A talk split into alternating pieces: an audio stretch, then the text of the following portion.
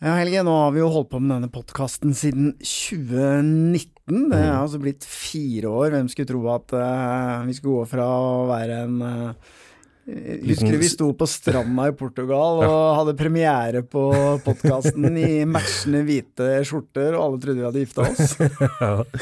Og det har jo vært et eventyr. Det har det vært. det har det vært. Og, men ikke helt sånn bekymringsløst heller. Vi har jo stått overfor eh, en del eh, utfordringer, bl.a. rundt presseetikk. Hva kan vi fortelle? Hvem kan vi liksom, i gåsehudene legge oss ut med? Og vi har jo liksom tatt våre vurderinger der fortløpende, vi tre. Eh, men nå har vi vært så heldige å få inn eh, en ekstra mann i, på skuta, sier man det? Ja, Hæ? det er jo kanskje på høy tid, for det er litt som du påpeker, så eh, vi graver jo i ting som uh, Hvor kanskje ikke alle er like glad i at vi graver i det, og noen ganger Vi har jo blitt trua med søksmål en del antall ganger Ja. uten at det har blitt noe av. Men det er klart at hvis man skal være i forkant, hvis man skal være litt sånn edgy, for det ønsker vi å være, så, så er det jo en del vurderinger, som du sier, som skal gjøres i forhold til ikke bare presseetikk, men alt dette med ærekrenkelser og, og så videre. Og vi må jo ærlig innrømme at eh, vi har kanskje ikke den beste kompetansen på akkurat det, så vi har fått med oss eh, en ny mann på laget. Det har vi fått. Det er jo ingen ringere enn din egen eh, storebror, Kurt André Lier. Ikke André. Nei! Eh, Kurt A. Lier. du, du sier ikke André? Aldri brukt André. Nei, det er bare A. Så, Det skal Ja. ikke ut i offentligheten. Det er kun en Ok, A. det er liksom eh, din far? Ja, eh, det var nok kanskje det som var årsaken til at jeg gjorde det i sin tid. Ikke at jeg kan huske det, men eh, den offisielle forklaringen er at Kurt Lier er så kort Ja. at det er lettere, det låter bedre med Kurt A. Lier. Det er det. Ja, Kurt, du har jo kommet inn nå som styreleder i selskapet. Endelig fått inn noen voksne her, Helge. Nå vil jeg understreke at jeg er bare tre år eldre enn Stein Morten, men likevel takk skal du ha. Du uh, har jo fått en del innsikt i uh, en litt sånn utfordring vi kan stå ovenfor uh, innimellom. Hvordan tenker du at din rolle i dette selskapet vil bli da? For det første så synes jeg at dere har blitt veldig gode på det. Eh, Dere er presise i forhold til det straffeprosessuelle, og dere gjør gode vurderinger i forhold til hva dere skal gå ut med, og hva dere ikke skal gå ut med. Og innimellom så har dere ringt meg om det. Eh, Og det jeg tenker at jeg skal bidra med der, er å gjøre de juridiske vurderingene for dere, hjelpe dere med det og gi råd. Fortsatt være dere som har det redaksjonelle ansvaret, men jeg vil hjelpe dere å bistå der jeg kan. Men uh, vi har jo liksom blitt litt kritisert for å, å fått høre litt at vi er litt sånn den rampete gutten i klassen. At vi, vi kan tillate oss å gjøre ting som ikke disse seriøse journalistene uh, gjør. Vi får jo høre det litt innimellom, og dere er så heldige for dere trenger ikke å forholde dere til alle reglene osv. Vi er jo veldig uenig i det, for vi prøver jo virkelig så godt vi kan å følge Vær varsom-plakaten.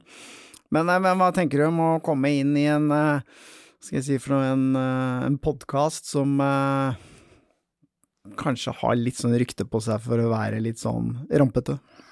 Jeg tenker det ryktet er ganske ufortjent. Eh, For det første så er det riktig at dere er grensesprengende og rampete i den forstand at dere utfordrer litt måten man driver journalistikk på. Og jeg mener at avhørt er fremtiden til journalistikk.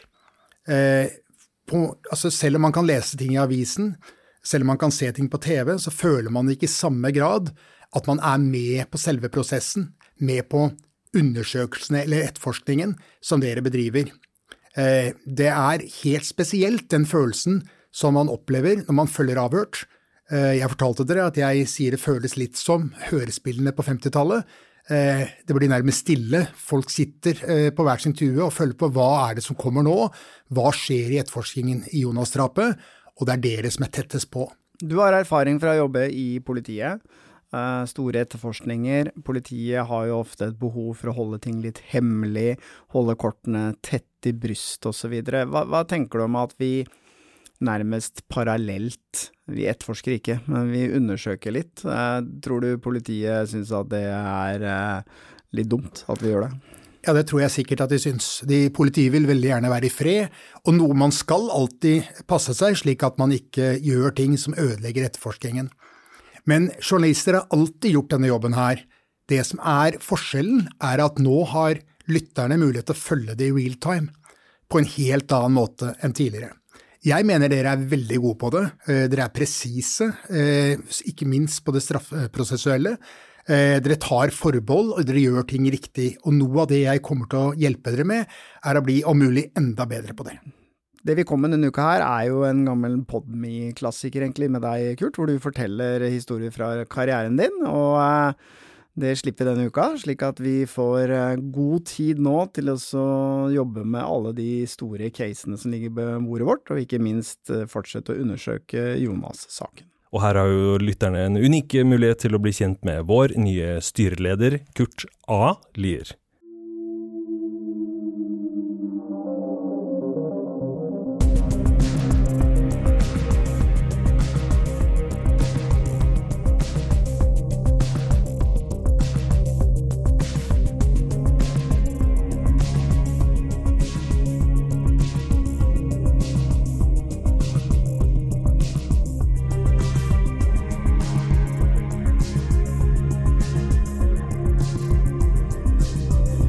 Right, Stein Morten. Nå begynner vi å gå tom for folk, eller? Nå har du dratt inn eh, et familiemedlem her.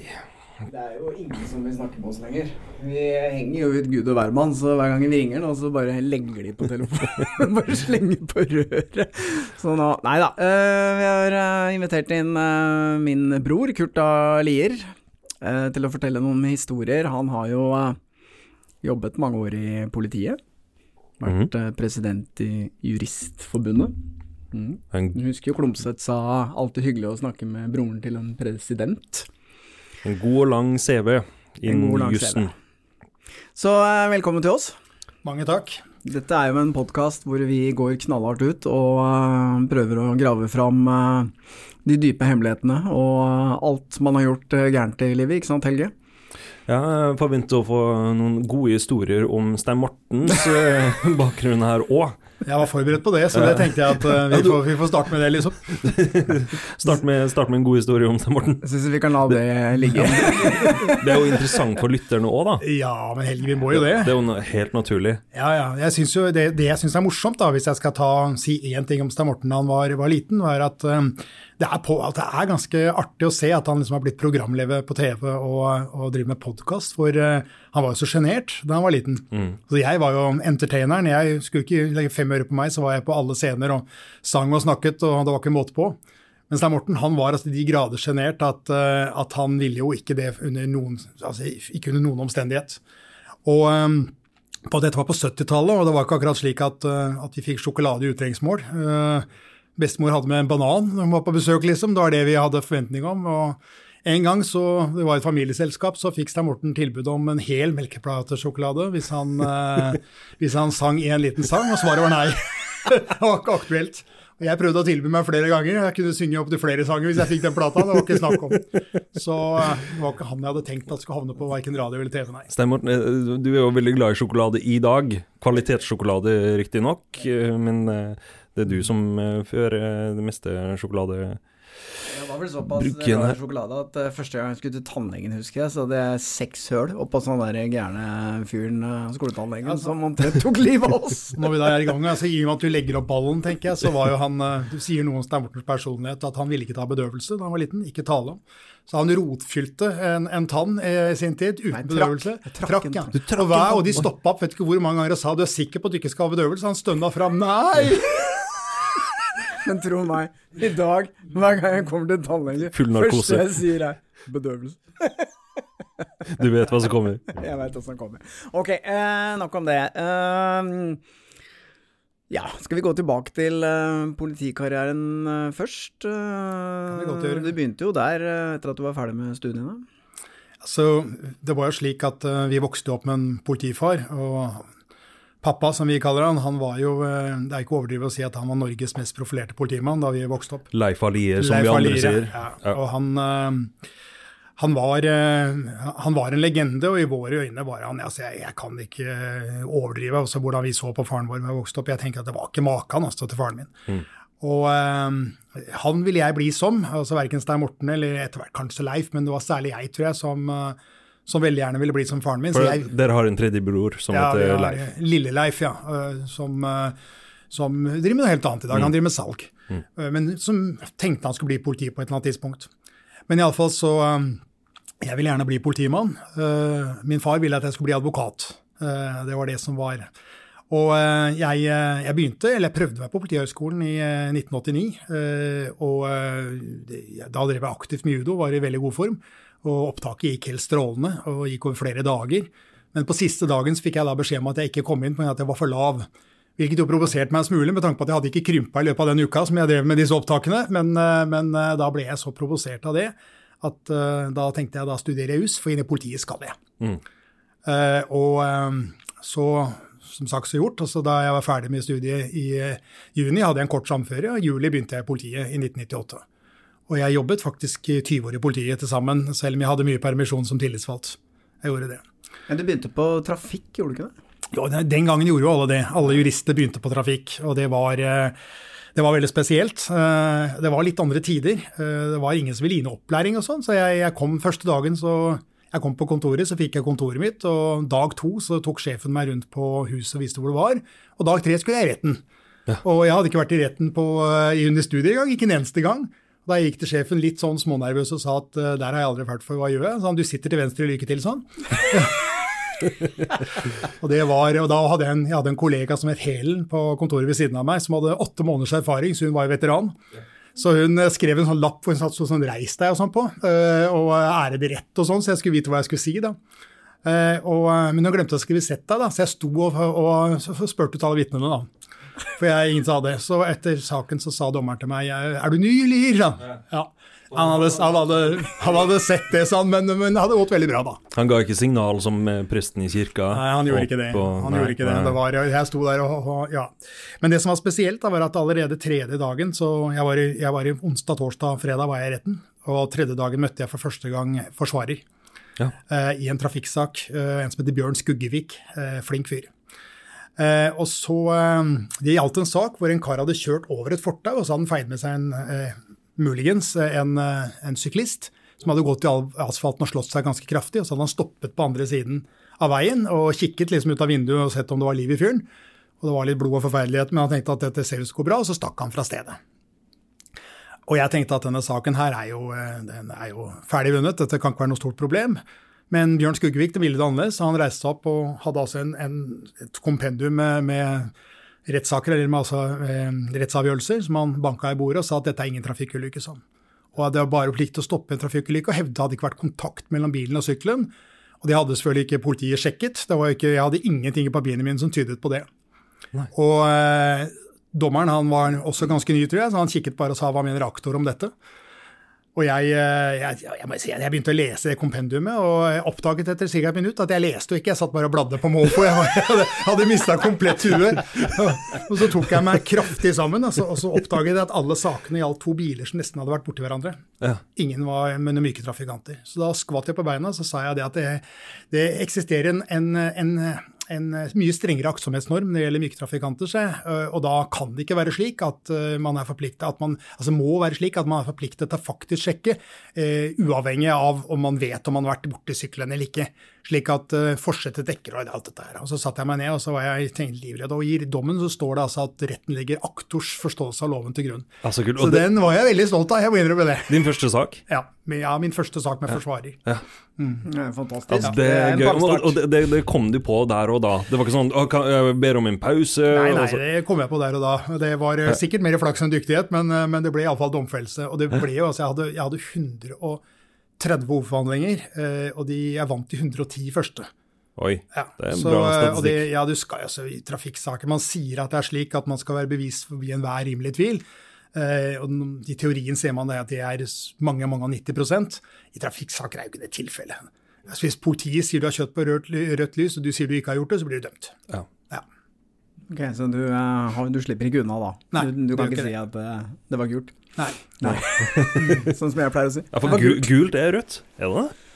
Gult og Nei da, gult er ikke rødt, men hvis du passerer det som kalles primærstolpen eh, etter at det har skiftet til rødt, Ja. så er det straffbart. Ja. Men hvor lenge var du på trafikkavsnittet? Ett år. Det var ikke lenger, nei. Nei da. Ja, for du gjorde jo en kometkarriere, det vil jeg si. Du endte jo opp som påtaleleder for hele Hva for noe? Hva het den den gangen? Ja, det heter, Jeg endte jo opp kan du si, som seksjonssjef på arrest- og påtaleseksjonen. Påtaleleder er noe annet, det var jeg først. Da er du sjef for bare juristene eh, på den gruppa du er. Ja da, det gikk fort, altså. Og det, jeg, ble, jeg, ble, leder nesten med en gang, egentlig. Eh, og så ble jeg tillitsvalgt, og det er en litt annen historie mens jeg var der. Men så, eh, så begynte jeg på Grønland politistasjon. Eh, og jeg har alltid ment noe om alt, egentlig. Så jeg så at eh, jeg syntes ikke de var optimalt organisert. Så jeg laget en plan for hvordan man kunne omorganisere. Eh, det var slik at eh, hver jurist forholdt seg til alle etterforskerne, alle et, og alle etterforskerne forholdt seg til alle juristene. Og Så fløy man rundt og lette etter saker på kontorene til hverandre, og jeg ble lite bygd relasjoner og den type ting. Jeg så ganske kjapt at det der kunne mulig være den beste måten å gjøre det på. Så jeg foreslo at man knyttet en gruppe jurister, eller hver jurist til en førstebetjent, og laget en plan for det. Så opplevde jeg den gangen at uh, påtalelederen han sa til meg at nei, det syntes han ikke var noe god idé, og så hadde han gått og foreslått det selv som sin egen idé oppe. Det syntes jeg ikke var noe særlig hyggelig, men så bytta vi påtaleleder. Uh, og den nye påtalelederen på Grønland, for det hadde ikke skjedd noen ting, den nye påtalelederen på Grønland han kom over planen min. Og da kom han og spurte om jeg kunne tenke meg å være enke for han. Ja. Og Da var jeg det noen måneder, og så sluttet han. og Da rykket jeg opp som påtaleleder på Grønland politistasjon, som på den tiden var den og sikkert fortsatt er den eh, politistasjonen i landet med høy, klart flest straffesaker. Eh, og 15 av jurister hadde ansvaret for det. og Etter det så var jeg kort innom Manglerud politistasjon, og så ble jeg påtaleleder på vold og sedelighet, som hadde drapssaker og voldtektssaker. Hvor jeg bl.a. Eh, hadde påtaleansvaret for denne saken som dere hadde med Bjørn Davan, denne India-saken. Mm. Eh, var med ned til India og etterforske den, som var veldig spennende. Det var jo drap på et uh, lasteskip? Det var det. Eh, ja. Det var en spanjol, en spansk førstemaskinist, som ble tatt livet av av en filippinsk byssegutt. Det var også en filippinsk annen, eller en, jeg tror også han var byssegutt, som ble knivstukket to ganger i maven. Han gjemte seg inn på fryserommet. Det var sånn han overlevde. Mm. Mm. Ok, Så den var litt større, den saken, ja? Ja, det var det. Men uh, fra den tida di uh, i politiet, hvilke saker er du husker aller best? Som har gjort mest inntrykk, egentlig? Det er ganske mange saker, det. Altså, jeg må si at Den saken vi snakker om nå, var spesiell. fordi det var den eneste gangen jeg Altså, jeg ble leder så tidlig, så jeg fikk ikke være med på så mange av den type straffesaker direkte. Eh, bortsett fra denne saken, som jeg jo overtok ved en tilfeldighet, eh, fordi at den påtalelisten som hadde ansvaret, han skulle på noe regatta, så han kunne ikke, og dermed så reiste jeg isteden. Eh, men jeg må si at den, den, den saken med med metanol, metanolsaken i sin tid, med alle disse som ble blinde, eh, hvor vi det var nøstet opp og forsøkte å finne ut det var, gjorde sterkt inntrykk på meg. Eh, det var et kinesisk søskenpar som tok livet av en, en kineser. Uh, som var veldig spesielt, som jeg også var med på hadde overoppsynet med. Den første saken hvor man fant ut at det var forskjell på e-mail-nummeret i telefonen og på SIM-kortet. For her hadde nemlig eh, det de hadde gjort for å prøve å skaffe seg alibi, var å ta ut SIM-kortet på, på telefonen til, eh, til avdøde, mm. for så å tekstmelde fra den til sin egen telefon, bare bytte SIM-kortet. Eh, fordi de visste ikke, og det visste ingen den gangen, men politiet fant ut at du kan se også hvilken telefon det var sendt fra, ikke bare SIM-kortet der den tok til vedkommende. Ja. veldig spesielt. Hvis alle kjeltringer der som hører på dette, det er mange av dem, det veit jo, gikk glipp av dette, så bare en gang til. Det hjelper ikke å bytte SIM-kort. Du må også Nei, jeg tror ikke det er noe hemmelighet lenger. Det er mange år siden nå. Nei, vi, tar, vi, tar, særlig ansvar for at folk ikke skal gå på sånne smeller. Ja, ja. Altså, de har jo mål å ligge et skritt foran, så de har vel sikkert kommet rundt det på en eller annen måte.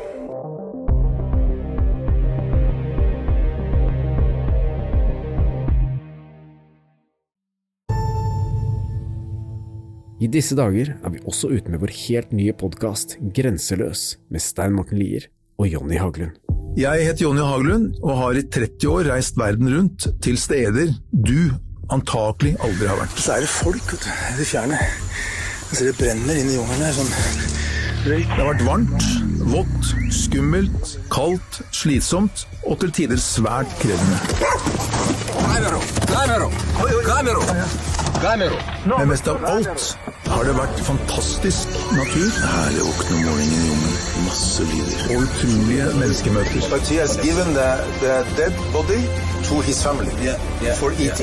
Nå deler jeg noen av mine opplevelser i podkasten Grenseløs.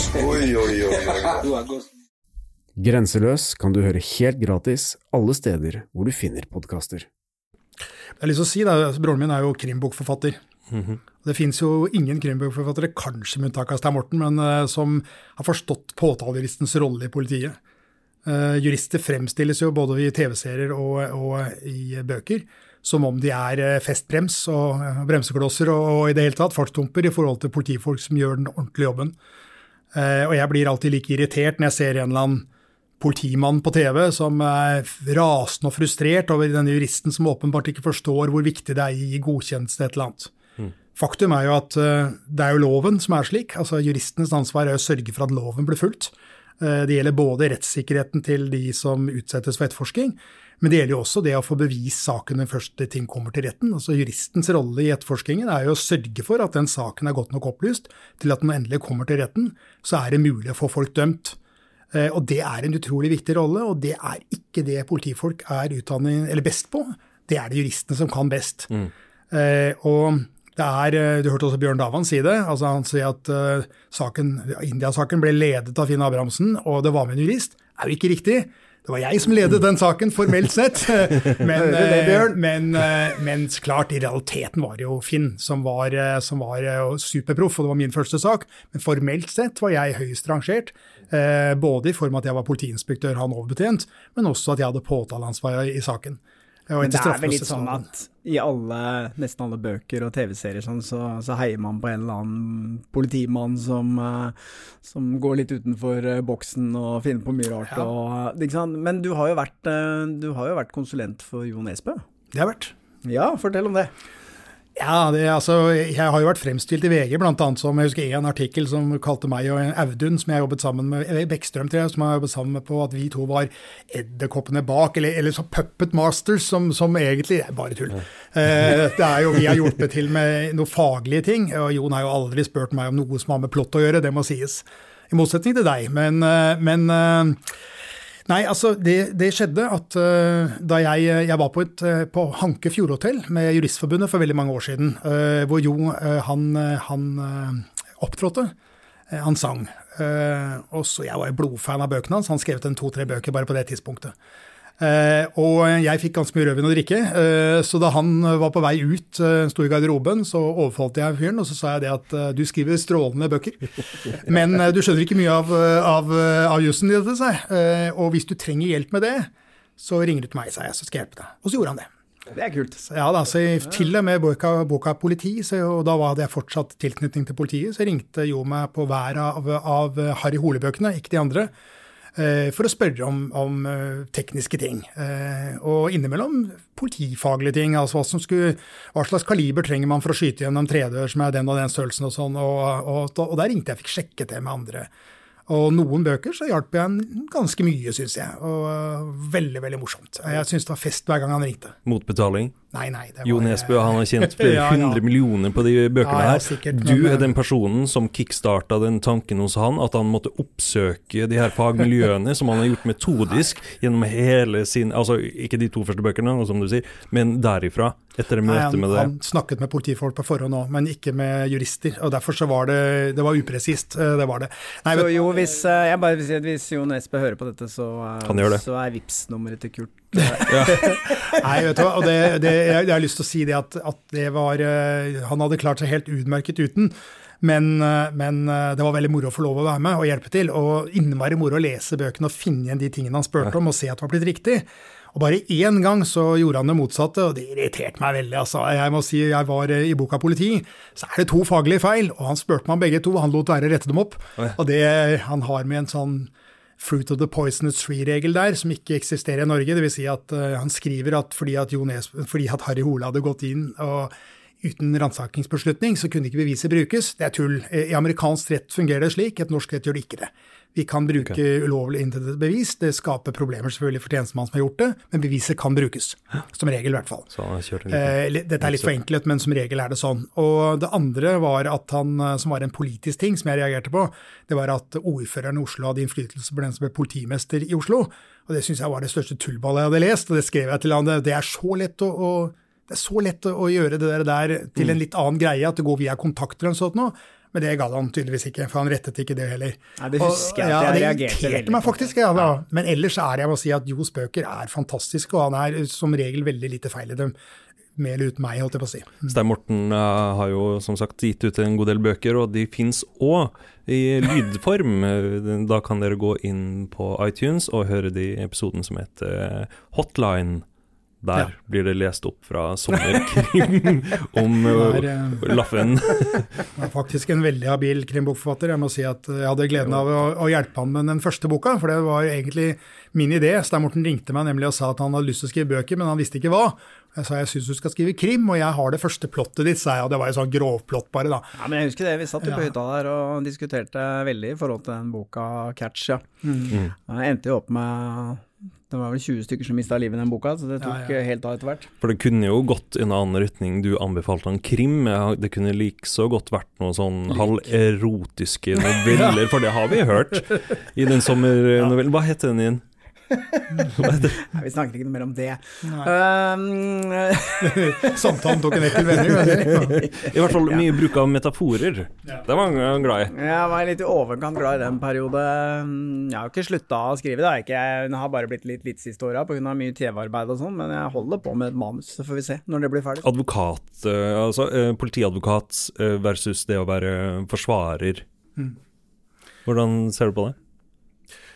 Altså, jeg har gjort begge deler. Ikke så mye forsvarer, men jeg har vært forsvarer i noen få saker. Eh, og eh, for det første er det jo mye mer krevende å være politiadvokat, det har jeg lyst til å si på en måte, fordi at det er politiadvokatens ansvar å legge fram hele saken.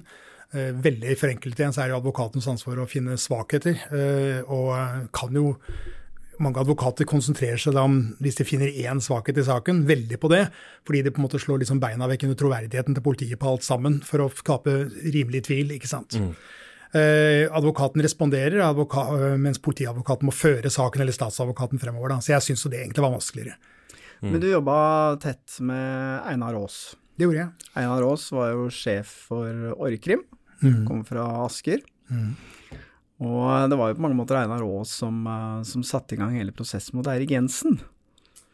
Ja og nei, vel. Men i hvert fall Eh, var en pådriver der, var han ikke det? For han ønsket jo å fjerne Eirik fra, i hvert fall fra den jobben.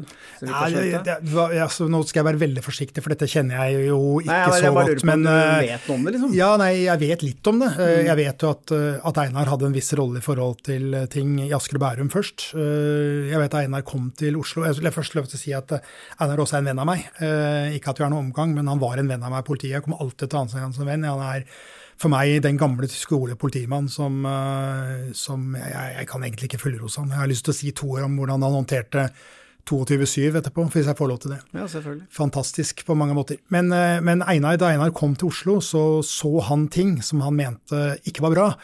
Uh, og jeg tror ikke det var ikke Jeg vet ikke om det var nødvendigvis knytta direkte til Erik, men det var noe med Eirik, men det var noe med måten han jobbet på, uh, noe med kulturen, uh, denne metoden, som jeg tror Einar reagerte noe på. Eh, det hadde sikkert litt med Eirik å gjøre, for han hadde nok noe med å gjøre at Eirik ble flyttet opp til politimesteren som en eller annen rådgiverrolle der oppe. Det hadde han. Eh, Det som har gjort Einar sin rolle litt kontroversiell, er spørsmålet om hva han har visst ute i Asker og Bære. Altså når har han fått greie på ting, kontra at han kom tilbake til en rolle til Oslo. Der har det vært noe. Men eh, det vet ikke jeg nok om. Det eneste jeg vet, er at eh, slik jeg kjenner Einar Aas, så finnes det ikke et helt helstøpt menneske, så jeg har vanskelig for å tro at han har gjort noe galt i det hele tatt. Det har vært en grunn for alt hva han har gjort, tror jeg. Men det er bare slik jeg personlig er inhabil til tusen, så sånn er det. Mm. Ja, nå var det jo Spesialenheten som gikk etter Eirik Jensen, selvfølgelig, og han fikk jo eh, 21 år. Eh, Hva tenker du om den dommen, da? Nei, det, altså, det, jeg, jeg, jeg, jeg syns det der er helt håpløst. Jeg har lyst til å si det. Altså, Klart det er ille med korrupsjon. Korrupsjon er ikke bra. Eh, det er- kjempealvorlig, eh, men dette har med narkotika altså Det har med den norske stats- og justisforvaltnings forhold til narkotika å gjøre. Og i Norge så har du historisk sett stort sett ikke blitt straffet for systematisk overgrep mot barn i tiår. Altså du blir straffet, men straffenivået er lavt. Du kan begå alvorlige volds- voldshandlinger, det er et lavt. Men hvis du har befatning med narkotika, da er det slutt på å være myk i, i det norske strafferettssystemet. Det er ingenting vi straffer strengere eh, enn narkotika. Og hasj er et middel som eh, jo er i ferd med å bli legalisert mange steder i verden. Og jeg er, sier ikke at jeg er tilhenger av legalisering, det vet jeg ikke hvorvidt jeg er det eller ikke, kommer ikke jeg til å si noe om her. Men eh, uansett om man er tilhenger av legalisering eller ikke, så må man skjønne at det er en form for utvikling i tiden det gjelder det greiene der. Man kan mene hva man vil om den dommen. Eh, jeg må si jeg finner det jeg er helt ubegripelig at Eirik Jensen, fra den rolla han hatt de årene, skal ha hatt muligheten til å kunne drive den formen for edderkoppvirksomhet som dommen legger til grunn at han har hatt. Veldig rart. At han skulle kunne påvirke dette inn og ut med tollsystemet og alt dette her. Veldig rart. Men jeg har ikke fulgt saken annet fra pressen, så det skal ikke jeg mene altfor mye om. Men selv om han måtte mene det, så er det at han har hatt befatning med smugling av hasj. Og det skal gi han 21 års fengsel. Og så ser man etterpå at man får altså en, en sak som gjelder angrep på rettsstaten. Eh, som hun er domfelt for, hun eh, ekssamboeren til, til, eh, eller samboeren til eksstatsråden, til justisministeren. Eh, og da ser vi et straffenivå som er altså bare brøkkparten av det. Bare brøkkparten. Eh, det sier noe om at, at den straffen er alt, alt, altfor streng. Jeg tenker Selv om han ble dømt for dette, så mener jeg at straffenivået burde ikke ha ligget på mer enn en syv-åtte år. Det mener jeg. 21 er galskap. Eh, de, de, har jo tatt de her innførslene som har foregått over 15 år, da, angivelig, eh, og sagt at for den innførselen så er så så mye, så så mye, så så mye, og til slutt, det, det banker i taket, så det skulle egentlig vært 40 år, 50 år, ikke sant, men så, så piker man på 21. Er det, er det riktig måte å gjøre det på? Ja, det er det definitivt. Altså, etter mitt syn, det er et forslag fra Fremskrittspartiet om at man skal oppheve dette med at man på en måte skal få gå over til systemet man har i USA, man akkumulerer slik at man kan få sånn ti ganger livstid. Nei, bare tøys. Bare tøys. Jeg tenker at uh, å plassere folk lenger i fengsel enn 21 år, nå sitter de ikke 21 år, det skal sies, de sitter i realiteten 12-13, men ikke å sitte lenger enn det i fengsel, det har lite for seg med mindre det er farlighet ute og går. Uh, Behring Breivik skal aldri ut, det mener jeg. Uh, han må holdes inne til uh, Men det er fordi at Og heller ikke han, han i voldtektsforbryteren, tenker jeg. Den type personer som man forstår at selv om han slutter ut om mange år, så vil det han være en fare for omgivelsene sine. Da må man ha et system som gjør at disse er sikret fremover. Utover det så tenker jeg at, at, det er unødvendig at folk skal sitte så lenge i fengsel. Men skal man bruke den type lange straffer, så må det være mot drap og, og, og kanskje flere drap og, og alvorlige sedelighetsforbrytelser sånn som ødelegger livet til folk. Hasjsmugling, det det altså, det er tullball etter min oppfatning å operere med så lange straffer. Det ja. mener jeg virkelig. Og i hans tilfelle også, eh, han er jo ikke direkte knytta til de innførslene, men de bare tar, tar det for i utgangspunkt at han har vært delaktig i det.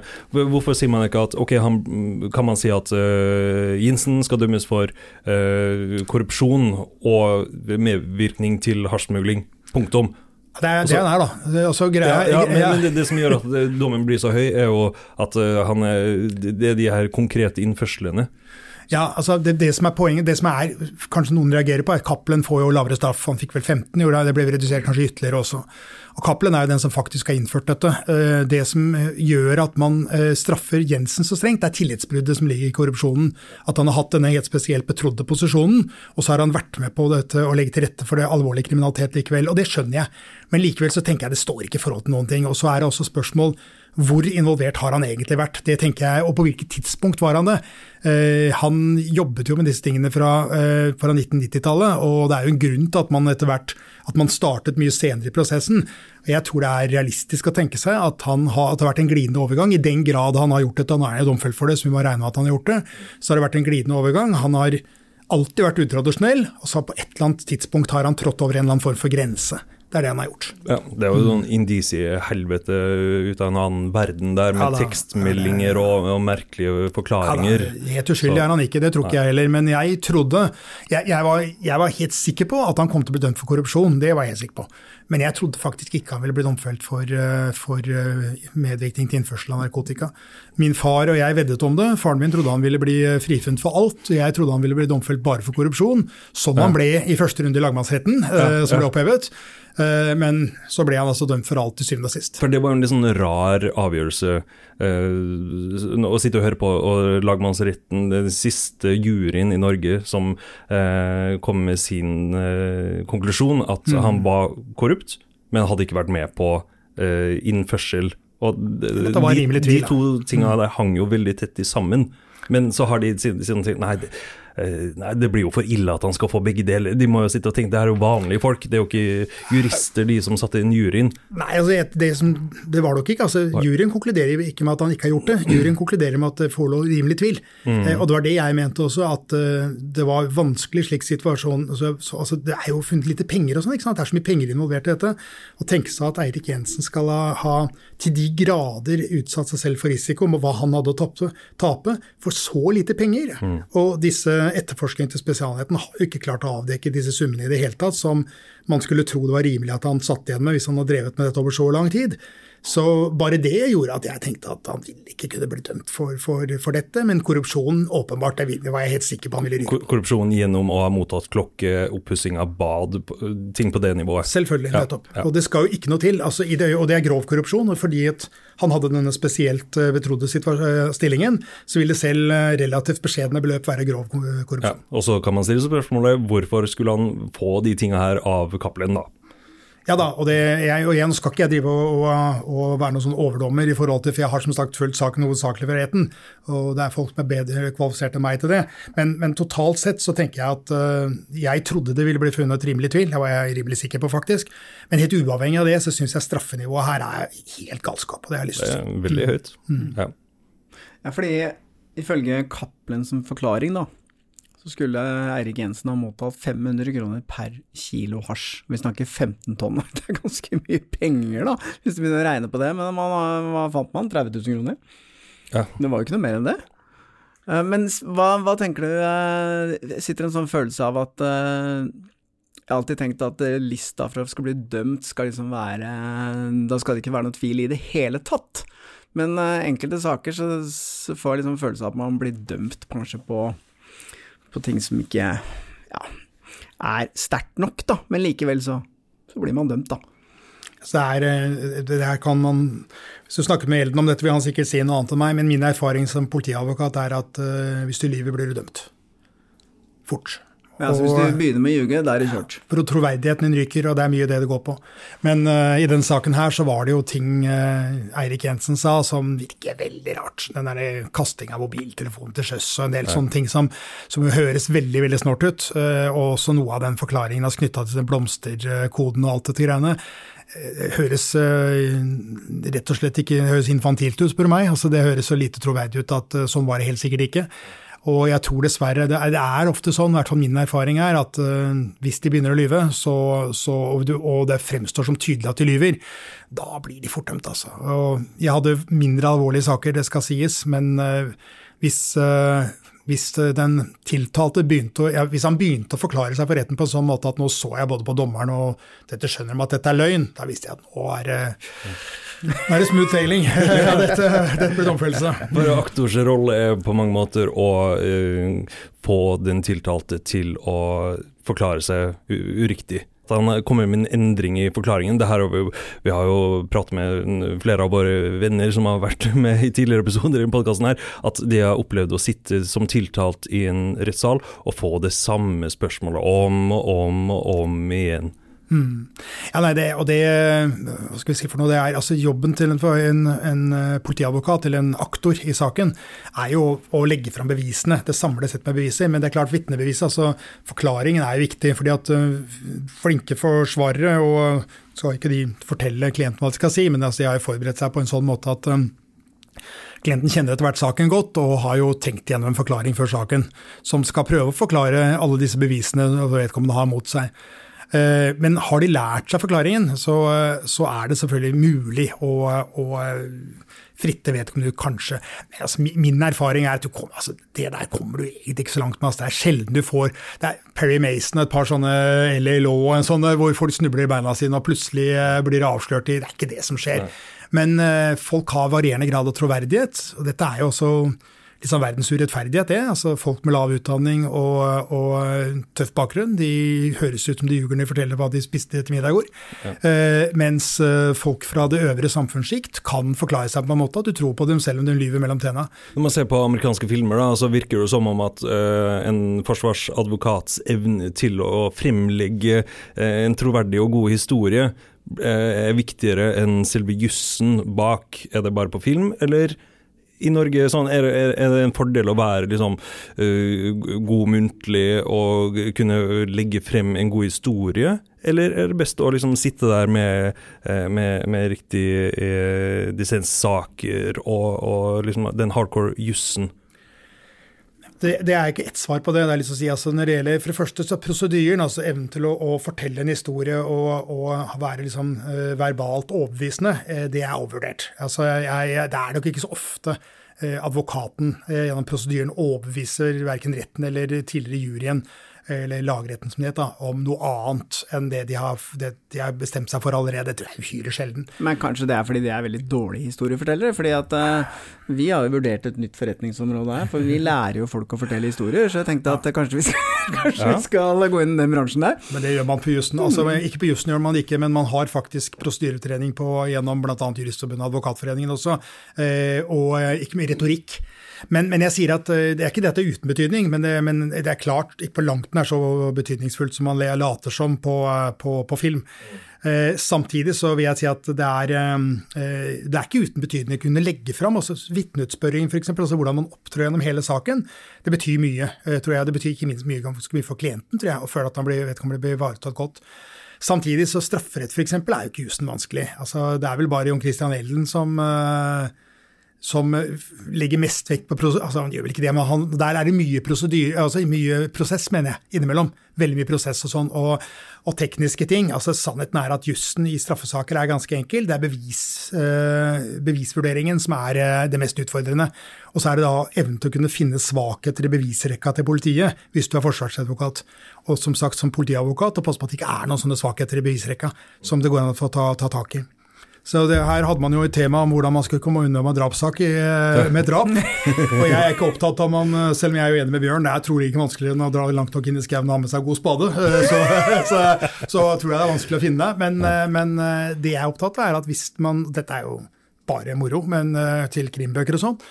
Men hvis du har evnen til å Hvis du hadde klart å legge ut et, et ganske åpenbart spor retta mot deg sjøl, så er det ingen tvil om at selv med politiets evne til å etterforske bredt og være grundig i dag, biter man seg fast i det sporet, vet du. Hvis det mm. sporet kan slå beina vekk under rettssaken og vise, så slår du beina vekk under troverdigheten til politiets etterforsking. Og da tror jeg du har en god mulighet til å bli frifunnet pga. rimelig tvil. Så dette er altså del to av Averts uh, opplærings... Mm. Uh, dette tror jeg er mye lettere i teorien enn i praksis, men, men, men det er iallfall det, det er noe som slo meg flere ganger, fordi jeg hadde en del saker hvor saken så jeg hadde ikke, jeg hadde ikke med to frifinnelser hele min karriere, tror jeg, men, men, men, jeg hadde saker hvor jeg så det så ganske greit ut.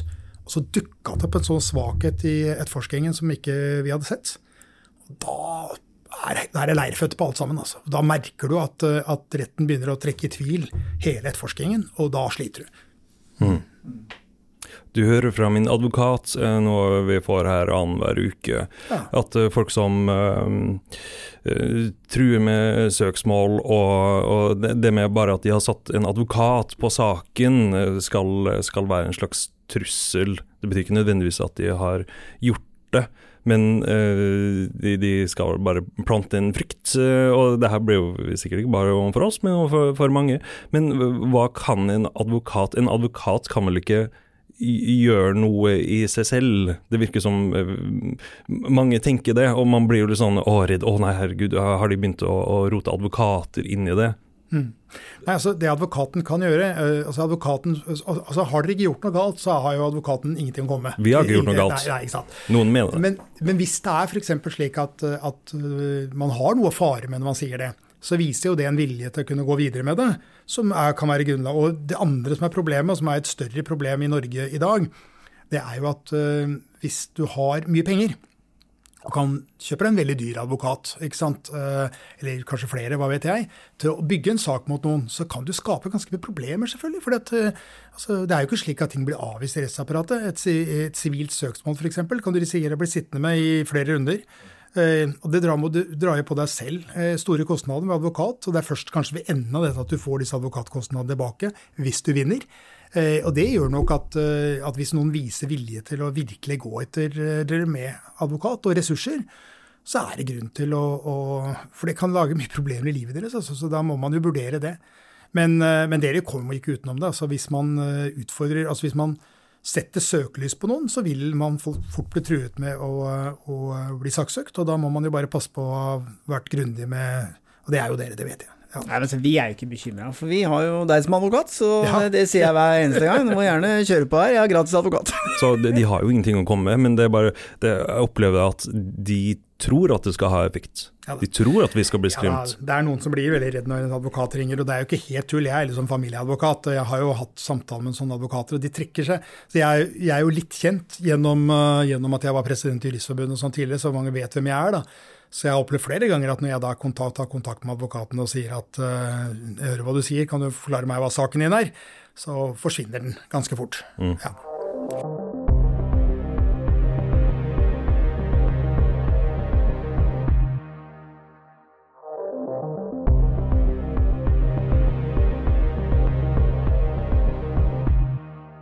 Men eh, du var inne på et veldig interessant tema her, fordi at eh, dette med penger og rettsvesenet, det blir jo en form for klassejuss hvis det er sånn at folk med mye penger kan, eh, kan nærmest kjøre folk eh, konkurs i rettsvesenet og, og bruke det som en trussel og et pressmiddel, da. Burde det være sånn? Nei, det burde ikke være sånn. Og det er jo verre enn det. Altså, grensa for fri rettshjelp, altså inntektsgrensa, den går jo ikke opp, mens det gjør jo folks øh, altså, Greia er at det er stadig færre som dekkes av denne fri rettshjelpsbiten. Eh, og mange har ikke råd til advokat, og hvis de har råd til advokat, så har de råd til en fri rettshjelpsadvokat med svært begrensede ressurser til å kunne hjelpe. Sannheten er at eh, jeg hadde jo mye fri rettshjelp da jeg var, jobbet i Barneadvokatene. Eh, og fikk jo kutta salæroppgaven min med massevis av penger. Altså, hvor bare retten med et pennestrøk sier at dette var for høyt. Sånn, takk for det. Eh, og det er klart, når du har opplevd det et par ganger, så, så jobber du så lite du kan. Fordi, fordi du skjønner at hvis du legger for mange timer i denne saken, så får du ikke det, du får ikke dekka det. Og advokater skal jo leve, de òg. Det er ikke slik at de fleste advokater tjener fryktelig mye penger. Sånn er det ikke. Det er noen få som gjør det. Eh, Og veldig ofte innenfor andre rettsområder, f.eks. Så det der er en kjempeutfordring, altså eh, på alle måter. Helt klart. Og så er det Det er jo straffesanksjonert, f.eks. å eh, ta, ta en eh, oppsigelsessak, avskjedssak. Det er jo straffbart å, å avskjedige noen når du vet at du kan anledning til å gjøre det. Eh, Politiet henlegger de sakene Ang, masse. Etterforsker dem ikke i det hele tatt. Se på det som privatliv, bare stemper det. Hvis du da er kynisk nok, du har en dyr advokat, du vet at den ansatte har ikke noe råd til noe dyr advokat, så ender jo det bare på at vedkommende må gi seg. Så vi har jo ikke Klart det er klassejus. Klart det er slik at det er forskjell på fattig og rik på det området. Vi har jo noen advokater i Norge som øh, jobber øh, det lille ekstra. Vi har jo en advokat øh, her i byen som klarte å skrive 27 timer i løpet av et døgn. Ja da. Ja. Det er imponerende. Ja. Det var jo tidligere noen som forsøkte seg med at det også var lovlig. vet du. De hevdet at uh, Jeg hørte ikke hvordan resonnementet var, men om at han tenkte på to saker samtidig. eller sånt, Så klarte man å få mer enn 24 timer i døgnet. Men nei, det er selvfølgelig helt håpløst. Skrev rapporter mens det ble spist og sovet. Og... Ja, men, det er, men det er jo en liten utfordring. altså Ikke det at det blir mer enn 24 timer. Men det er klart at uh, advokat bruker hodet. Uh, og det er jo ikke sånn at man jobber bare når man sitter ved skrivemaskinen eller er retten. ikke sant? Man kan jo bruke masse tid på hva Hvis du sitter og tenker La oss si at du kjører uh, fra A til Å. A til B. Og, og mens i løpet av den kjøreturen så bruker du hele turen til å tenke på saken til klienten din, slik at du er forberedt kommer tilbake.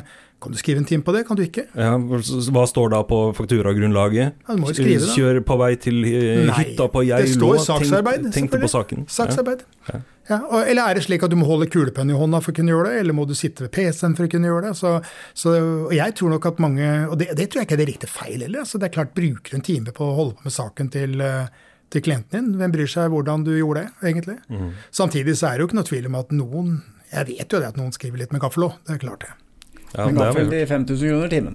ja, ja 5000, er det det det går inn om dagen, eller? Det kommer an på hvilken eh, altså Innenfor barnefeltet så er jo eh, f- 2000 kroner kanskje mer vanlig. Innenfor forretningsadvokatområdet så kan det være mer enn 5000 noen steder også i timen. Mm. Hmm. Men du, vi snakket, i- du var kort inn på 22. juli. Ja. Eh, Kan ikke du fortelle litt om eh, og Einar Aas sin rolle osv.? Det er jo interessant å høre om. For det, var jo ikke noe sånn derre stolt øyeblikk, kanskje, for i hvert fall ikke for beredskapstroppen. Den ble jo hengt ut litt i den gummibåten. Ja, Det er, det er interessant det der, fordi at uh, veldig lenge var det et stolt øyeblikk for politiet. Jeg var jo uh, jeg var egentlig på, uh, på, Jeg har det slik at jeg jobber alltid uke 29 pga. noe det gjør kona mi. men jeg hadde liksom sommerferie i begge ender. Og dette var i uke 29. fredag uke 29 dette skjedde. Og jeg var akkurat ferdig, skulle tilbake på ferie, så jeg var på vei ned til Jeg var på Østbanen, for jeg skulle innom en butikk der. Uh, og så hører vi et brak av en annen verden som vi trodde var en eller annen sånn søyle som hadde ramla ned. eller et eller annet sånt. Nå. Så vi, jeg løper ut uh, og ser da de ryker. Og så måtte jeg selvfølgelig snakke med Anette, som ringer meg i panikk. ikke sant? og lurer på hvor jeg er hen, for hun visste at jeg var i byen. da. Og så løper jeg opp til, til stedet, til oppe regjeringskvartalet der, hvor jeg møter noen fryktelig stressa politifolk. Jeg var politiinspektør der selv, hadde egentlig tenkt å ta meg inn på området for å se hva som skjedde, men de to unge, en ung mann og en ung dame, de var så stressa at jeg turte rett og slett ikke begynne å mase på dem. Så jeg løp uh, hele veien ned til politihuset isteden og jobba hele kvelden. Dro på meg uniformen og jobba hele kvelden. Og jeg var jo seksjonssjef, og da settes det stab, og seksjonssjefer er jo linje, slik at man har egentlig ikke noen ordentlig rolle. Uh, selv påtaleansvaret ble jo satt på en annen person som gjorde at, eh, at, jeg Det var liksom ikke derfor jeg begynte i politiet, for å stå og se på at andre jobba. Så jeg, eh, en liten stund der så det ut som det var jeg som skulle ta media, for jeg, eh, jeg hadde ganske mye medieerfaring.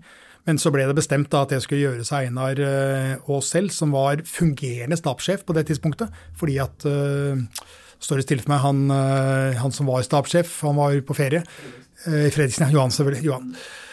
Og Eh, jeg syns det var en forferdelig dårlig avgjørelse. Ikke at ikke jeg skulle gjøre det, men eh, det betød at de var nødt til å stå stadig nede i hallen istedenfor å styre eh, politiets arbeid og, og prate med pressen. Så jeg syns det var en skikkelig dårlig avgjørelse. Håper at vi gjør det på en annen måte i dag. Einar, fantastisk. Han var så rolig, fjellstø. Jeg hadde liksom muligheten til å observere han fordi at jeg hadde ikke så, Etter hvert fikk jeg en konkret rolle. altså det skal sies Jeg satt og fulgte med på disse mailene, eller disse tekstene som kom inn fra, fra alle disse som var på Utøya. Eh, og, og hjalp å, gjøre en, noen vurderinger der. Men eh, han eh, jeg, jeg, har liksom bildet av han fortsatt. Han sitter en stor mann og sitter tilbakelent når han jobber, og tok beslutninger i øst og vest. Eh, alltid med samme roen. Og så husker jeg veldig godt han fikk spørsmålet hva gjør vi med T-banen?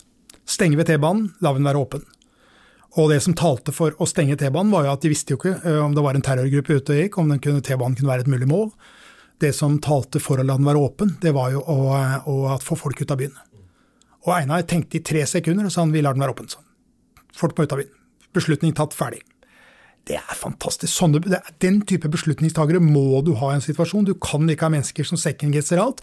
Vi hadde, etter mitt syn, eh, noen politimestere og andre som ikke var altså Alle visste at de kunne ikke ta beslutning om hva de skulle ha på seg om morgenen uten å måtte ha, ha hjelp med det. Eh, og man blir da veldig overraska at det blir problemer etterpå. Einar etter mitt syn prototypen på en sånn politimann. Man trenger en sånn eh, situasjon. Fantastisk. Men jeg var der også, og dette er, dette er, jeg helt sikker på. Jeg har gjenfortalt historien så mange ganger at det kan hende det har vridd seg, men jeg tillater meg å si at sånn var det likevel. Jeg sto ved siden av den politimannen fra, fra Politidirektoratet, han var liaison, som sier at det skyter på Utøya. Datteren hans var der ute. Og eh, så ble det en forferdelig greie med er det samme, eller er det noe helt annet? Er det en tilfeldighet? Og fungerende sjef for eh, beredskapstroppen, da, fordi at uh, Anders var, ikke, han var på ferie eller borte. Han satte seg ned ved siden av meg og så sa han, hva tror du, Kurt? Sånn, kan det være noen som bare skyter der ute? Uh, det er politiuniform og sånn, eller er det det samme? Og da svarte jeg, og det håper jeg er riktig, for sånn husker jeg det, da svarte jeg at hva tror du oddsen er, for du tar regn på muligheten for at dette er tilfeldig. Det er ikke snakk om. Uh, og jeg husker den gangen at da jeg gikk hjem fra på ettermiddagen, så hadde jeg full uniform på meg. Da klappa folk mens jeg gikk bortover gata. Uh, og dagen etter så var politiet idiotforklart, og, og det var noe helt annet. Og jeg kjenner litt til bakgrunnen til den gummibåthistorien. Eh, det var en Altså, det var en kombinasjon av uheldige De første de kjørte altså De hadde vanvittig kjapp utrykning som er på vei utover. Det ble besluttet at uh, for, for, de som ikke er innforstått med det du prater om nå. Politiet sto på land og så ut mot Utøya, og de skulle komme seg ut dit. Og det de klarte å gjøre, var å fylle en, eh, en sånn oppblåsbar uh, gummijolle med altfor mange folk. Og så ble det noen motorproblemer uh, i tillegg også. Det tok veldig lang tid før de kom seg ut på øya. Det er riktig. Eh, det er, altså, historien er egentlig at det var to politifolk på stedet. Altså, hvor denne ferja gikk frem og tilbake, der sto det to politifolk. Og de fikk ordre om å ikke, ikke dra over. Til tross for at sivilistene eh, dro frem og tilbake og henta folk, så var de beordra til å bli på bredden på motsatt side og ikke dra over. Eh, det kan man mene hva man vil om. Jeg skal i hvert fall ikke kritisere de to politifolkene. De gjorde som de fikk beskjed om. Men det er klart, det er utfordrende når det skytes på andre siden med, med masse ungdom. Eh, så beredskapstroppen ble altså dirigert et annet sted, ikke dit. Og det var for at de skulle, og det skulle ikke sende en båt klar for dem der. så Det var sånn, det var jo ikke tilfeldig at de fant denne gummibåten. Og de hadde nok en, en, forventning om at det skulle være en båt som lå venta på dem, som var tilstrekkelig stor for å kunne få alle dem over. For husk, Vi visste jo ikke at det var én som skjøt her ute. Man trodde til tider at det var minst to, kanskje flere. Det ble rapportert inn at det var to personer i politiuniform som skjøt her ute. Og I den sammenhengen så skulle altså beredskapstroppen rykke over dit. Eh, hvis ikke de dro alle over, og de dro for få folk, så kunne de bare bli drept i det de gikk om bord i land, og kunne ikke hjelpe noen.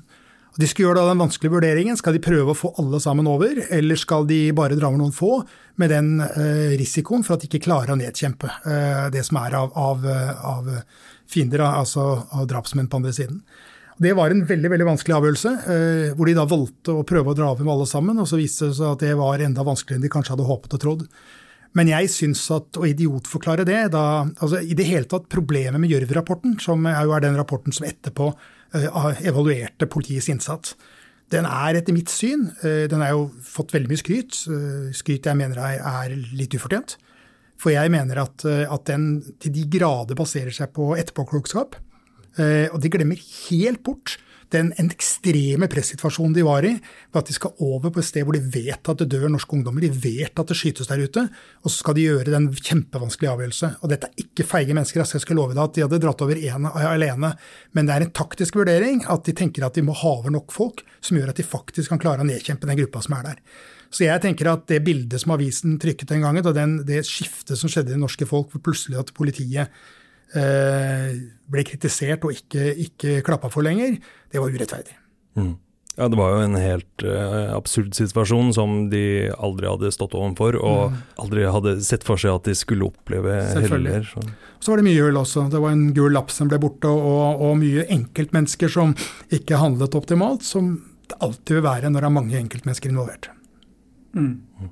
Ok, ja, altså 22. juli og alt det der, det, er jo, det var jo et uh, mørkt uh, kapittel. Det er ikke noe tvil om det. Og det, som du sier, Helge, så var det jo ingen som var forberedt på noe sånt. Men uh, da du var ferdig, eller du fikk jo permisjon fra politiet fordi du blei jo president. President i Juristforbundet. Hvordan var det å gå fra å jobbe i politiet til å bli en sånn fagforeningspamp? Jeg gjorde det flere ganger. Først var jeg leder av det som heter Politiembedsmennenes Landsforening i seks år, som er jo den foreningen for jurister og politimestere og ledere i politiet. Eh, og så var jeg tilbake som seksjonssjef, og jeg da ledet den nest største seksjonen i Oslo, eh, som var arrest- og påtaleseksjonen, med 277 medarbeidere. Og så ble jeg valgt til president. Jeg var faktisk leder av Juristforbundet samtidig som jeg var eh, seksjonssjef, og så ble jeg valgt til president som var en heltidsstilling. Nei, det var, eh, det var vanskelig, for for meg var politiet det jeg ønsket å drive med. Eh, men samtidig så var jeg ble fanget opp av dette fagforeningsjobben, det å jobbe for folks interesser. Og det å være president i forbundet og få muligheten til å utvikle det forbundet videre, det hadde jeg veldig lyst til. Så det, det var egentlig en fantastisk tid. Jeg vil jo si at det kanskje er den mest fantastiske tida jeg har hatt noen gang. Jeg eh, kunne reise rundt og, og snakke med folk på, på si, jobbe med det som er nært og kjært for dem, og prøve å hjelpe, hjelpe det, var, det, var, kjempefint. altså. Og ikke minst muligheten til å treffe alle beslutningstagere rundt omkring. Eh, nei, det var, jeg stortrivdes med det jeg gjorde. Eh, og så hadde jeg jo gleden av å være i akademikersystemet, og der var jeg leder av noe som het Akademikernes stat. Og jeg ledet faktisk den første streiken som akademikerne noensinne gjennomførte. Eh, og det var gøy. Ja, det, det var spesielt fordi at Eh, da jeg begynte i Akademikerne, så var det faktisk en holdning at man skulle ikke streike. Eh, og eh, de sa det at vi ville aldri få medlemmene med på en streik, og hvis vi streika, ville ingen merke det likevel. Og jeg reiste meg på en konferanse, og jeg kalte det for noe defensivt tullprat. Og da var jeg selvfølgelig leder av streikearbeidet i Akademikerne med en gang. Ja. Eh, og det jeg sa, var at eh, vi hadde minst én gruppe, sa jeg, i eh, akademikersystemet som eh, hvis jeg sier hopp, så spør de hvor høyt, sa jeg. Og det er eh, politijuristene. Og eh, Grunnen til jeg sa det, var at på det tidspunktet var det ingen som visste at politijuristene var en del av akademikerne. De trodde at de var en del av Politiets Fellesforbund i en annen eh, hovedorganisasjon. Så jeg tenkte at jeg måtte få, hvis vi skulle gjort noe på lønna til den gruppa, så måtte jeg få løfta dem fram. Det var det som var viktig, så var det som var min eh, initielle eh, motivasjon. Men problemet mitt var at det var ikke sant. Eh, Jeg hadde jo slett ikke noe oppslutning for noe, noe streik blant politijuristene, så jeg måtte jo gjøre noe med det. Eh, Så det jeg gjorde, var at jeg meldte på en sånn turné rundt i landet til alle politidistrikt. Jeg reiste rundt som en gal og fortalte alle denne historien, og avsluttet alle foredrag med når jeg sier høyt eh, hopp, hva sier dere, skreik jeg. Alle ropte hvor høyt. Eh, og så var jeg i ferd med å få dette til. Eh, Det tok litt lengre tid enn jeg trodde, og tida begynte å nærme seg at det kunne risikere å bli en streik. Og så sier da den daværende leder av Akademikernes stat, Hatte Knut Årbakke, at han, ville treffe disse supermotiverte eh, politiadvokatene og politijuristene som skulle streike. Og Det var i krise, for jeg hadde ikke rukket å motivere juristen i Oslo ennå. Eh, Så hva gjør jeg nå? Så jeg sa flott, Knut, det er kjempefint, kan du komme i morgen klokken tolv? Så løp jeg altså rundt på, til alle, på alle kontorer, ringte rundt alle steder og fikk folk til å møte i parolesalen halv tolv, en halvtime før han kom. Og så altså tidene oppildning. Jeg sa at når han gjør ikke løgner av meg, sa jeg, når han kommer inn døra, så skal jubelen stå i taket. Jeg fortalte hvordan han skulle være. Og da Knut åpna døra, så brølte eh, jeg tror det var 100 påtaleviser som brølte i kor, og reiste seg opp og greier. Og da han var ferdig, så sto Knut oppå en stol med, med armen som gikk opp og ned. Men folk, da jeg skrek hopp, så, eller han skrek hopp, så sa de våre høyt, da. Så det var, eh, Men det som er fint med det, var at sånn ble det òg. Streiken ble gjennomført fantastisk bra, eh, ingen tvil om det. Altså Påtalejuristene, altså Politijuristene var utrolig disiplinerte, og vi gjennomførte en kjempebra streik. Eh, ikke noe tvil om det. Eh, selv om jeg ble jo litt skuffa da jeg innbilte meg at det var sånn at når politiristene politijuristene streiket, som betød at man også ikke kunne sette folk i Man kan ikke, kunne ikke varetektsfengsle og sånn, det var ikke mulig. Så ville jo det medføre tvungen lønnsnemnd og problemer med en gang. Men det virkeste seg det at eh, norske myndigheter hadde ingen problemer med at kjeltringene gikk fri. altså Det var helt uproblematisk. Flaks hadde seg at vi hadde tatt ut en liten gruppe veterinærer. Og det betød at da kunne du ta ut flere av dem. Og det er mulig at kjeltring kan fly fri, fri, men altså, det kan ikke kyllinger, viste det seg i det hele tatt. Altså. For eh, da Prior begynte å ringe og si at dette går ikke, de fikk ikke slaktet fordi at ikke veterinærene var til stede, da ble det avsluttet rimelig raskt, altså. Ja.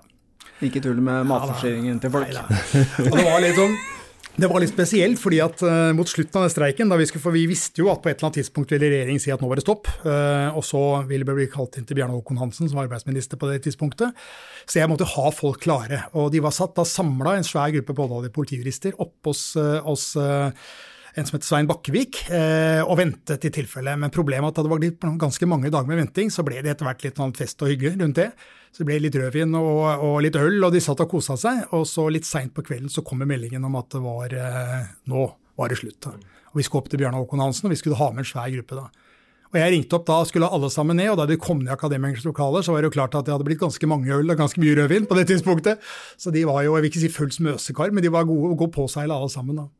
Så vi sto og delte ut sånne breath mint til dem alle sammen. da. Og jeg, ble, jeg, kjente jeg var spesielt bekymret. På vei opp til Bjarne Håkon Hansen hadde de sånne skilt som de ikke bar på, hvor det står liksom 'bedre lønn til' og sånn. Og, og da oppdaget han lederen for dette han oppdaget noen som flyvertinner sånn, som var på vei nedover, så han forsvant ned etter dem. Når jeg måtte ned hente ned, i Karl Johan et eller annet sted.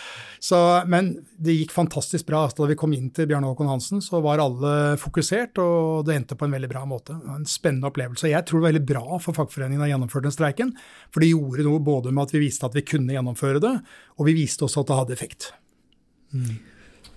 Men du starter jo i ny jobb nå 1.6. Det gjør jeg. Skal Du tar over som eh, forhandlingsleder, er det det? Forhandlingssjef. Sjef i Sykepleierforbundet. Vi står jo midt oppi en unntakstilstand nå med pandemi og overarbeida sykepleiere og mangel på sykepleiere. Og de har jo virkelig fått eh, kjørt seg eh, dette året her. Eh, Hva kommer til å bli den viktigste jobben din, tror du, i eh, den nye stillingen? Det blir veldig veldig spennende. Eh, Det er helt riktig som du sier. Eh, Vi er altså i en pandemi eh, hvor etter hvert nå så kommer de mest sårbare oss til å være ferdigvaksinerte. Og likevel så truer og mener regjeringen at man skal fortsette å ha nedstengt Norge. Og årsaken til det, altså hovedgrunnen til det, er kapasiteten, intensivkapasiteten på sykehuset. Nei. Og dette er altså en varslet krise. Eh, Man har snakket om denne pandemien som vil komme i årevis, og likevel legger, altså legger regjeringen ned sykehus, og de satser ikke på intensivsykepleiere, som det er behov for i det hele tatt. Eh, lønns- og arbeidsbetingelsene til, eh, til sykepleiere i Norge det er en, en skam, etter min oppfatning. Og man sliter med rekruttering. Man vet at vi mangler massevis av sykepleiere om noen få år. Og det, viser, altså det finnes ikke vilje til å gjøre noe med det. Det er jobben min. Jeg skal fortelle dem at det blir nødvendig. Jeg skal sørge for at sånn blir det. Det høres uh, bra ut. Uh, Helge, har du noe til slutt? Jeg syns det er fint. Ja. Du får en lang CV etter hvert. lang og spennende. Tusen takk for at du kunne komme hit. Sier president Lier, blir du kalt president fremdeles, eller? Noen gjør det, men vi får si ekspresident, da. Ekspresident. Avslutningsvis så skal Stein Morten synge en sang. Eh, skal få en melkesjokolade etterpå. Tror jeg skal spare lytterne våre for det, og så går vi rett på vår uh, fantastiske kjenningsmelodi i stedet.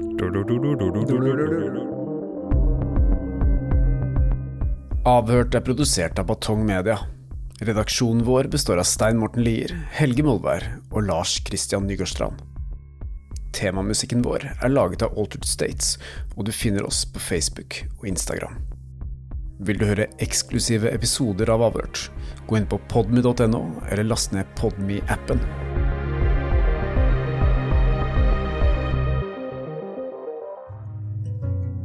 Hvis du setter pris på Avhørt og syns at den jobben vi gjør er viktig, så kan du støtte oss ved å vippse til 8075 99 eller søke opp Batong Media i vips appen Og vi setter stor pris på alle bidrag, store og små.